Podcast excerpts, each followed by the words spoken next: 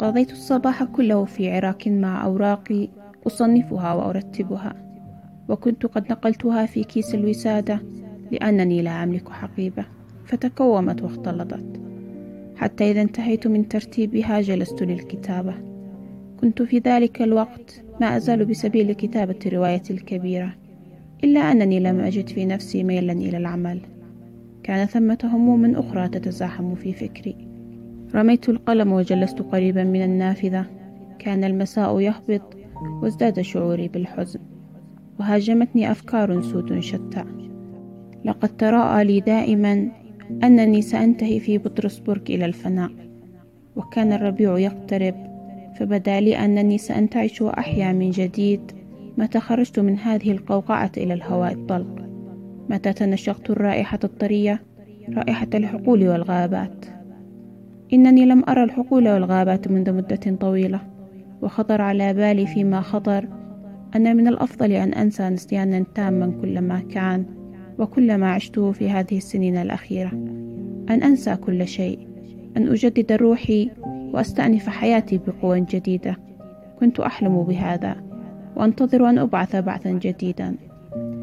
قلت في نفسي أذهب إلى مستشفى من مستشفيات المجانين عند الاقتضاء. حتى يتحرك كل شيء في الدماغ ويعود إلى مكانه ثم أشفى. كان بي ظمأ إلى الحياة. كنت أؤمن بالحياة. ولكنني أتذكر الآن أنني ما كدت أفكر في هذا حتى أخذت أضحك. وسألت نفسي وبعد خروجي من مستشفى المجانين ما عساني فاعلا. أليس كتابة روايات دائما؟ هكذا كنت أحلم وأتأمل. وكان الوقت أثناء ذلك ينقضي. وكان الليل يهبط ولقد كنت في ذلك المساء على موعد مع نتاشا لقد أرسلت إلي الليلة البارحة بطاقة تدعوني فيها إلى المجيء إليها. فلما تذكرت ذلك قفزت من مكاني وأخذت أهيئ نفسي. كان بي على كل حال رغبة ملحة في أن أنتزع نفسي من هذا المنزل بأقصى سرعة ممكنة ولو إلى أي مكان تحت المطر وفي الثلج الموحل. وكنت كلما تكاثفت الظلمة أشعر أن غرفتي تزداد اتساعا وتخيلت أنني في كل ليلة في هذا الركن سأرى سميث. سيكون جالسا يحدق في كما كان يحدق في آدم إيفانويتش بالمقهى وآزر بين قدمي وفي هذه اللحظة تماما وقع حادث هزني هزا قويا. ينبغي أن أكون صريحا على كل حال.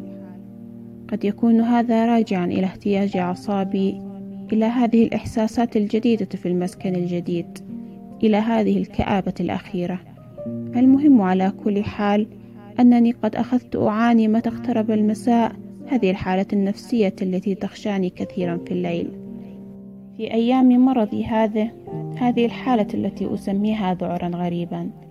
إنها أضنى أنواع الخوف وأكثرها تعذيبا للنفس.